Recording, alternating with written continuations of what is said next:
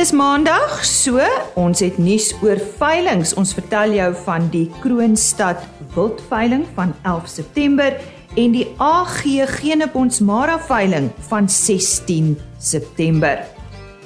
Ons maak weer 'n draai daarop Askam in die Kalahari. En hierdie keer gesels Koos de Pisani met Nico de Wet oor bewaringslandbou in die Kalahari. En Frans de Klerk vertel ons wat is besig om met die rand te gebeur. My naam is Lise Roberts. Jy's ingeskakel by RSG Landbou op hierdie Maandag 6 September en ek vertrou jou naweek was wonderlik. En nou gesels ons oor die 10de Kroonstad Wildveiling van 11 September. Op die lyn het ek vir Roan van Tonder van Meerkat Online. Roan, is hierdie slegs 'n aanlyn veiling? Uh Lise, jy ja, dit is reg. Ehm um, maar die verskil is dit gaan lewendig uitgesaai word.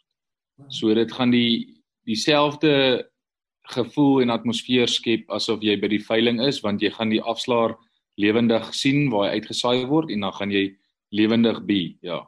Wie's almal betrokke? Wel, dis Meerkat wat die wat die veiling hou en die hele Meerkat span en dan die Kroonstad Wildteelers ehm um, en Neil is die afslaer Neil Swart. En wat bied julle aan?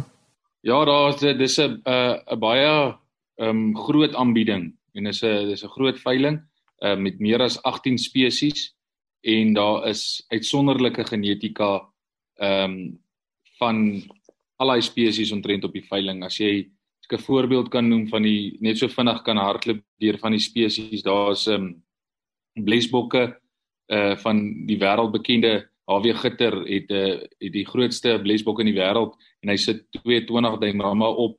Daar gaan salrig uh blesbokke wees. Daar gaan baie buffelbulle wees, jagbulle en teelbulle wees tot oor die 47 duim. Uh daar gaan oor die 30 vroulike diere wees en uh, daar gaan verskeie swartpensbulle wees tot oor die 51 duim en jagbulle en baie vroulike diere waterbokke um, top top waterbokke oor die 32 duim bulle ehm um, gemsbokke 44 duim verse. Ag en nog daar soos ek kan aangaan en aangaan daar so baie wat 'n mens kan opnoem. Nou so ek dink daar's iets vir alles. Daar's iets vir die die spesiale uitgesoekte diere wat wat wat uh stoetteelers as ek dit so kan stel mee wil boer. En dan vir die vir die kommersiële ou wat ook in die jagbedryf bedryf is. En dan vir die ou wat net 'n naweek plaas het en bietjie wild wil soek vir sy plaas. So dis is 'n is 'n mooi gebalanseerde aanbieding as ek dit so kan stel. Roan, wat is die doel van hierdie veiling? Wat wil julle hierdeur bereik? Ja, wel, dit is 'n uh, dis die jaarlikse, dis al die 10de veiling van Kroonstad Wild. So dit is dis om net weer eens die konsekwentheid met hierdie moeilike tye waardeur ons is met met COVID wat wat die wildbedryf seker in die landbou die swaarste moes getrek het waar waar alles oornag gestop het van die jagters wat nie kon inkom die wildveilings wat gestop is hmm. daar was amper daar toerisme is gestop so die die wildbedryf is deur 'n baie baie moeilike tyd en ehm um, die goeie nuus is as jy kyk hoe lyk dit al in Amerika en hoe die sportarenas lyk en hoe die mense weer terug gaan stadions toe en publieke plekke toe en hoe ver hulle al ingeënt is is hulle nie meer bang nie en hulle kom Suid-Afrika toe. Ons dinge is ook darm op koers. Die mense word elke dag ingeënt. So ek dink daar's eintlik net 'n 'n goeie toekoms vir die wildbedryf. Ehm um, as jy vat hoe die kommersiële boere baie goed gedoen het, die die beespryse waar dit lê, die saai boere het goed gedoen. So almal sit met 'n uh, met dalk 'n ekstra randjie wat hy graag iewers wil investeer en is 'n baie goeie diversifisering en daar is nie 'n beter tyd om nou te belê as nou nie want jy kry nou bokke wat wat peperduur was. Ehm um, vir goeie goeie genetika kry jy nou vir baie baie goedkoper as gevolg van die omstandighede. En kan die diere al besigtig word? Ja, dis oor dit dis 'n katalogus veiling, so daar's nie diere op hokke nie. Ehm um, dit word uitgesaai van Parys se golfbaan af waar ons maar die ding gaan uitsaai om waar die lede bymekaar gaan kom. Ons het ons het dit sterk oorweeg om 'n om 'n lewendige veiling te hou met kopers op die vloer, maar omrede die diere nie daar is nie, en alles in elk geval net op 'n foto en 'n videoetjie is, het ons gedink dis nie dis nie die risiko werd om sekere mense moontlik bloot te stel nie. As hy nie die diere graag wil sien nie, laat hulle eerder van die huis af be tot hierdie ding nou baie meer onder beheer is. So as die ouens die diere graag wil sien, ehm um, kan hulle net uh of op Meerkat gaan of hulle kan die Kroonstad Wild uh Facebook bladsy gaan kyk en daarso is al die verskillende teelers. Die katalogus is daar met die kontaknommers van die van die verskillende teelers en jy kan afsprake gemaak met hulle om hulle te, om die diere op die plase te gaan kyk. So al die diere bly op die plase tot hulle verkoop is en dan word hulle van daarna geskuif na hulle nuwe tuiste toe. Roan belangstellendes kan ook van julle meerkat online toepassing gebruik maak. Verduidelik net weer vir ons hoe dit werk. Ja, yes, daar's ehm um, daar's twee plekke waar 'n ou kan gaan registreer en be. Die een is op die rekenaar op die webtuiste www.meerkatonline.co.za. Dan gaan jy in na die na die veilinge toe en jy klik op die Kroonstad wildveiling en jy registreer vir hom. Die ander ene is wat ook baie gerieflik is as jy die Meerkat toep of die Meerkat app aflaai, is Meerkat online, sy naam en dan gaan dit deur dieselfde proses jy gaan net na die veiling toe en jy moet daar gaan registreer anders gaan jy nie op die ehm um, kan deelneem aan die veiling nie. Alles gaan deur Meerkat gaan daar gaan niemand op die vloer wees of jy kan nie versien gaan om te gaan wie nie jy kan net op Meerkat be Roan van Tonder van Meerkat online wat daar met ons gesels het oor die 10de Kroonstad wildveiling wat slegs aanlyn aangebied word op 11 September Die September uitgawe van Veeplaas is tans op winkelrakke beskikbaar en om te hoor waaroor jy kan lees in hierdie uitgawe, sluit ons nou aan by die redakteur Dr. Frikkie Maree. Dankie Liza. Soos genoem is die September uitgawe van Veeplaas op die rakke en in hierdie lente uitgawe fokus ons op varkproduksie in Suid-Afrika. Nou varkvleis word is wêreldwyd die vleisproduk wat die meeste verbruik word alhoewel die situasie nie dieselfde in Suid-Afrika lyk nie en Dr. W.A. Lombard het in 'n hoofartikel geskryf oor varkvleisverbruik in SA en die wêreld. Die varktema word dan ook deurgetrek deur die res van die tydskrif onder voer en veiding kyk ons na varkvoeding en laat 'n vark nie 'n aspek is nie wat produsente baie keer dink laat varkproduksie 'n maklike sekondêre aan produksielyn op die plaas is en afvalvoedingsstowwe na hulle toe kan gaan, is dit nie altyd so maklik nie. Onder genetika is 'n artikel oor genetiese vordering van varkproduksie en onder plaasbestuur is artikels oor varkproduksie op klein skaal en wat is nodig. Die hele tydskrif handel egter nie net oor varkproduksie nie, daar's ook ander interessante artikels Daar's 'n fokus op die Universiteit van Pretoria se voerkraal kompetisie waar die studente gehad het onder die rooi vleisbedryf kyk ons 'n bietjie na boerbokboerdery in die berge en hoe presisie boerdery 'n boer se wins kan verhoog. Onder die suiwelbedryf is daar melkproduksie van 'n Vrystaatse weidings wat deesdae ook redelik nie baie algemeen voorkom nie aangesien weiding produksie van melk meer teen die kus voorkom onder voer en weidings. Kyk ons op prikkelvoeding by lammers en die roemen ontwikkeling van verse en dan by dieregesondheid. So 'n interessante artikel oor bosluis spesies en hoe die gesinsstrukture mekaar steek en by plaasbestuur. 'n artikel oor arbeidsinspeksies op die plaas. So weer eens 'n tydskrif propvol nuttige inligting vir hierdie tyd van die jaar. Die redakteur van die Veeplaas tydskrif Dr Frikkie Marie. Ons gesels nou oor 'n veiling wat op 16 September plaasvind en dit is die AG Genebondsmara veiling en ek gesels met Arthur De Villiers. Arthur sê nou eers vir my waar boer julle? Uh Lise, ons is tussen Vrede en Memel in die Noord-Oos-Vrystaat. En hoe lyk dit daar by julle tans? Dit uh omstandighede is is is goed. Uh ons het 'n koue winter gehad. Ons het daarom 'n uh, lekker seisoen gehad voor dit, 'n normale seisoen en ons het genoeg veiding. En ehm uh, daar is maar brande in die omgewing, maar gelukkig het ons tog nie groot skade nie. So dit gaan goed by ons. Ons sien uit na die na die uh, lente en vandag is 'n wonderlike lente dag en dit is lekker hier so so sommer kort rond hier. Ja, sy, ons voel dit sommer, ons voel dit, dit is op pad. Ja. Arthur, jou liefde en aandeel in die Bonsmara, is dit maar nog altyd daar? Ja, Lisa, jy's ek uh, ek is maar in die Bosmara gebore. Uh en as dit van 'n klein seentjie af het ek saam met pa rondgery en eintlik maar nie 'n ander stelsel geken as om beeste te merk en te nommer en te weeg en seleksie te doen op grond van dit wat ons uh weeg en en uitwerk en prestasie toetsing. So ja nee, ek kom al 'n lank pad met die Bosmara en ja, dit is dit is 'n passie verseker werk. Nou hierdie veiling op 16 September, wat wil jy bereik met hierdie veiling? Weet jy Elise, dis eintlik 'n veiling uh wat ons geskep het sodat ons kopers heelwat van die tye uh mense is wat uh professionele mense is of wat dalk nie heeltemal 'n netwerk het nie om vir hulle geleentheid te skep om saam met ons op ons plaas skouer aan skouer 'n veiling aan te bied um en dan eintlik ons netwerk te gebruik om uh, om dan te probeer om goeie pryse te kry vir hulle diere.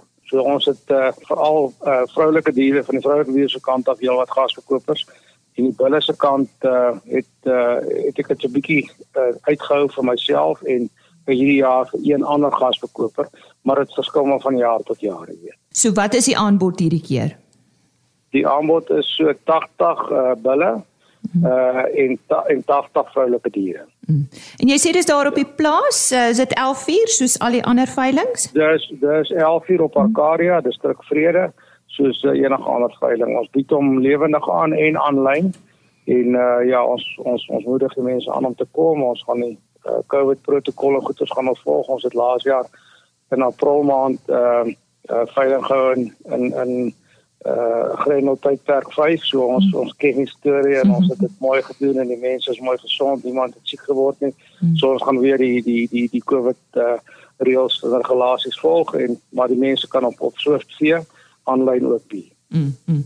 En is dit moontlik om al daardie diere te besigtig of van wanneer af? Ja, ons wil dit graag aanmoedig uh, Lize, dankie vir die vraag. Uh, ons wil graag aanmoedig vir al die mense wat beplan om aanlyn te aanlyn te bi kom kyk voor die tyd enige tyd maak 'n afspraak net en ons uh, wys vir die diere is naby die huis. Ons sien binne 2 ure sien ons al die diere mooi uh, in detail. So uh, ons wil graag mense aanmoedig om voor die tyd te kom kyk. Dit sal dit sal hmm. dit sal eintlik die regte ding wees hier Nou goed dis dan die AG Gene Bonsmara veiling van 16 Uh, September. Dit begin 11:00 op Arcadia. Dis die plaas van Arthur de Villiers.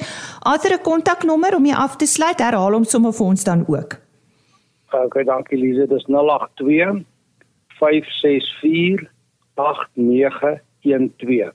Dis my nommer 082 564 8912. Arthur baie dankie en baie sterkte met daai veiling. Baie dankie Lize. Dankie vir die geleentheid. Totsiens. Frans de Klerk, die onafhanklike tegniese analis, is nou aan die woord en hy gesels oor die rand. Lise, ons sit eintlik met 'n baie interessante gefruik in die rand Amerikaanse dollar. Ehm um, hier is eintlik 'n baie mooi stygende kanaal waaraan die rand werk want hy het so van al die pad hier van die 8ste Junie af waar hy sterk was hier naby aan R13.40 het hy stelselmatig in hierdie stygende kanaal al die pad na boontoe verswak of as 'n mens nou amper kan 'n mens sê stelselmatig tekens gegee dat hy wil verder verswak. Maar in hierdie proses het hy natuurlik by sy 200 dae bewegende gemiddelde en dit is die gemiddelde wat al die fundamentele analiste of enige analis eintlik dophou, want as 'n geldinstrument of 'n aandeel bo hierdie 200 dae bewegende gemiddelde begin beweeg, sal 'n mens sê jong, jy moet hom dophou of selfs onder nou in die rand se geval die oomblik wat die 200 dae bewegende gemiddelde is ondersteun word, dan weet jy dat ons 'n langer termyn verswakkende tendens in die rand kan sien. Maar wat nou intussen gebeur het, die rand het nou by daai 200 dae bewegende gemiddelde van R14.62 gaan vaskop, maar nou vir 'n dag begin hy onder daardie 200 dae bewegende gemiddelde in konsolideer en vanaand hier by uh 8uur se kant was hy by R14.51 wat eintlik beteken hy so rapsie sterker as hierdie R14.62 R14.64 vlakke wat ons nie wil eintlik hê die rand moet ehm um, amper kan mense sê onder dit in versterk nie mits jy 'n verswakkende rand soek nie want ons weet mos die boere wil eintlik 'n verswakkende rand hê. So die belangrike teken is hier as die rand bo R14.62 R14.64 begin konsolideer, dan begin hy weer binne in daardie kanaal verswak na bo en dan kan die rand selfs na vlakke toe gaan soos R15.62. So vir boere wat wil begin kyk na die rand, as die rand sterker as R14.43 beweeg, kan ons self vlakke kry van R14.21, maar die oomblik wat die rand swakker as R14.64 en R14.71 beweeg, dan kan hy al die pad weer na 'n verswakkende tendens, ehm um, amper kan 'n mens sê na vore bring en daarvan af verder verswak. So die boere kan hy vlak dophou, maar die belangrike vlakke 1462, 1464 bo dit 'n verswakkende rand, onder dit 'n versterkende rand wat dalk jou net kan verbaas en dalk nog bietjie sterker kan gaan en selfs R14 kan gaan toets oor die medium na die kort termyn. En so sê Frans de Klerk, sy e-posadres is frans@fransdeklerk.com. Daar is 'n spreekwoord wat sê wysheid kom met die grysheid. Destyds was daar 'n paar manne wat geglo het daar is 'n moontlike manier om water in die droë Kalahari te kry om volhoubaar daar te boer. Nico de Wet was een van hulle. Hy ken die Kalahari soos die palm van sy hand en vir hom is bewaringsboerdery die enigste manier om mens volhoubaar in die streek kan boer. Koos Pisani het hom op Askam raak geloop en by hom uitgevind waar die begrip bewaringsboerdery vandaan kom en of dit steeds in die mooi deel van die land toegepas word. Nico de Wet is 'n boer van Askam omgewing noord van Appington en hy's 'n man vir wie bewaringsboerdery na in die hart lê. Hy het jare gelede by die departement landbou gewerk waar hy te doen begin kry met bewaringsboerdery en vandag is dit vir hom nog net so belangrik. Ek gesels vandag met hom oor sy ervaring rondom bewaringsboerdery en hoe dit die Kalahari affekteer. Nico, hoe het jy te doen gekry met bewaringsboerdery? Koos, dis nog voordat ek nou voorligter was, ek het maar hier groot geword en uh ek wil amper sê vir my pa was dit ook belangrik dat die duine nie moet kaal wees nie en nog in Karakool se dae.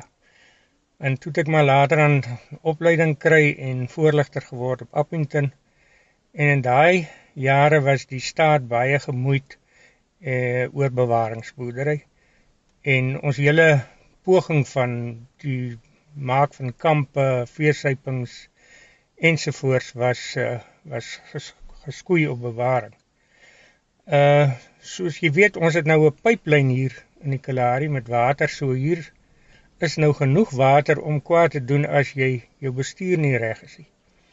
Uh in ons tyd was daar uh, en hy's nog steeds daar wet 43 van 1983 wat uh, die beskerming van landbouhulpbronne ten doel gehad het. En die wet is baie noukeurig toegepas. Daar's baie voorligting gewees. Ons het 'n demonstrasie plaas gehad, Massa Kloukie in die Kalahari. En uh daar was ook 'n afdeling bodembeskerming wat uh, mense wat onverskillig was, uh voorskrifte voorgegee het hoe om te boer met ander woorde voorskrif is 'n is 'n wet vir daai spesifieke boer en hy moet dit nou noukeurig toepas. Nou in elk geval ons het baie jare gesukkel om die pyplyn te kry want 'n uh, kommissie van ondersoek na die landbou in 1970 het eintlik gesê dat hierdie gebied te sensitief is vir boerdery en hulle nie eintlik wil dit ontwikkel het nie. Nou dit het later getoon dat jy kan suksesvol boer en jy kan bewaringslandbou, volhoubare landbou saam met dit toepas. Uh in elk geval toe die water gekom en en uh, ek sal sê yes, like, sê maar is nou moeilik om dit so te stel, maar omtrent in 80% van die gevalle is daar geen probleme nie.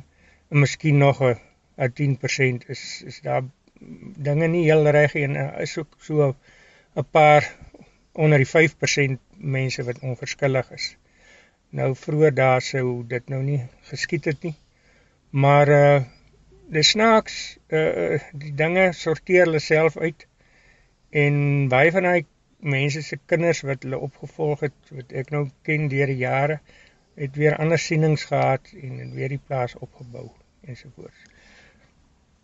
Nou ehm um, so jy sê dat uh die jy praat dan van die kinders wat terugkom na die uh, plase toe. Ehm um, word bewaringsboerdery nog so intensief toegepas uh uh hier in die Kalahari. Dink jy die boere is is ingelig en opgelei om om voort te gaan met dit wat julle destyds jare begin het? Ek sal sê uh die hele voorligtingspoging en en uh veldbeheer ensovoorts begin stadig aan aan die agterspeen syp. Uh jy het nog sien ons het vandag nou hele tyd 'n uh interessante inligtingsdag gehad. Ons het vir 3 jaar gelede, 2 jaar gelede het ons 'n weidingkundige hier gehad. En dit was nogal ek het baie terugvoer gekry wat van boere wat dit baie interessant gevind het. En ek sal sê daar's 'n honger by boere uh vir meer intensiewe ehm um, byveldbeheer en alles wat daarmee gepaard gaan volhoubare landbou en al daai uh mooi terminologie. Want jy weet wat wat ek sê die, die wat nog steeds so is is die kalarie so sensitief is. Alle voedingsstowwe bind net aan klei, die klei fraksie. Nou die die die die, die klei fraksie van die kalarie in die strate tussen die duine is maar 4% en bo op die duine is 2%. So as hy ontbloot word en hy begin wegwaai, diere trap hom en waai weg, dan dan verander jy eintlik heeltemal die vrugbaarheid van daai grond en jy kry nie vest as 'n duin eers kaal geword het en jy tree nie toe deur takke te pak of so nie. Dan kan daai ding vir 50 jaar kaal lê. En uh dit dit is, vir, is nou die ironie van die saak. Dis altyd vir 'n vir 'n besoeker 'n mooi ding om af te neem so 'n rooi duin. Maar uh dis eintlik nie 'n goeie ding nie. So daar's baie dinge in die lewe wat die mooi ding eintlik 'n goeie ding is. So ons wil ons wil die duine bedek hê, ons wil die steekwiet op die duine hê, ons wil die boesman grasse en die gaagrasse daar hou. En ons wil nie net suurgras en rooi luitjie en steekgras en al daai on, ongewenste goed hê. Dan dan kan jy sien die, die veld is gesond. Daar's jou diere gesond So die die veebewaring is is 'n groot deel van bewaring. As jy vir die uh kom ons sê vir die jong mense veral moet raad gee hoe om bewaringsboerdery toe te pas, hoe om die duine uh bedek te hou en hoe om volhoubaar te kan boer. Wat sou jou raad vir vir jong mense wees? Ek is maar nog steeds by die staat se se weidings uh aanbevelings uh van nommer 1 regte veebelading waar jy die amptelike draagkrag as uitgangspunt gebruik.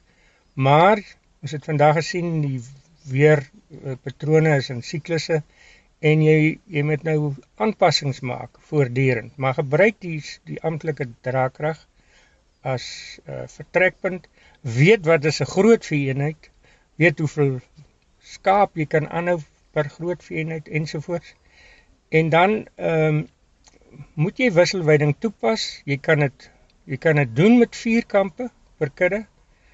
En uh ek my siening is dat as jy ultra hoë beweiding wat nou so gons hoor is hier kom toepas, gaan jy ehm uh, die, die grond te kaal maak. Hy gaan waai en jy gaan sukkel om hom weer te herstel. So Ons het maar basies 'n resep maar 2 weke as dit in die groei seisoen is en 'n maand as dit uh, nie groei seisoen is nie. En 'n uh, korrekte belading, regte berekening van groot vereenhede en uh ken jou veld. Ek uh het 'n sekere uh belading per kampgroep. So uh, daai 4 kampe of partykeer is dit 5, partykeer is dit 3 kampe, maar nie minder as 3 nie uh het 'n spesifieke uh toestand en daar moet jy jou veld goed ken. En jy wyk af van die ek maar sê die amptelike draagkrag uh na een of ander kant toe as gevolg van die van die toestand van daai kampgroep. So elke kampgroep van my het eintlik sy eie belading. Koos de Pisani wat daar met Nico de Wet gesels het oor bewarings boerdery en hy het hom daar uh, op Askam raak geloop tydens sy onlangse besoek aan die Kalahari. Net so 'n bietjie meer oor die res van hierdie week op RSG Landbou. Ek uh, gesels met uh, Forsie Blighnout. Hy is van Shongololo Boerbok Stoetery. Ek gesels môreoggend met hom oor sy boerbokke.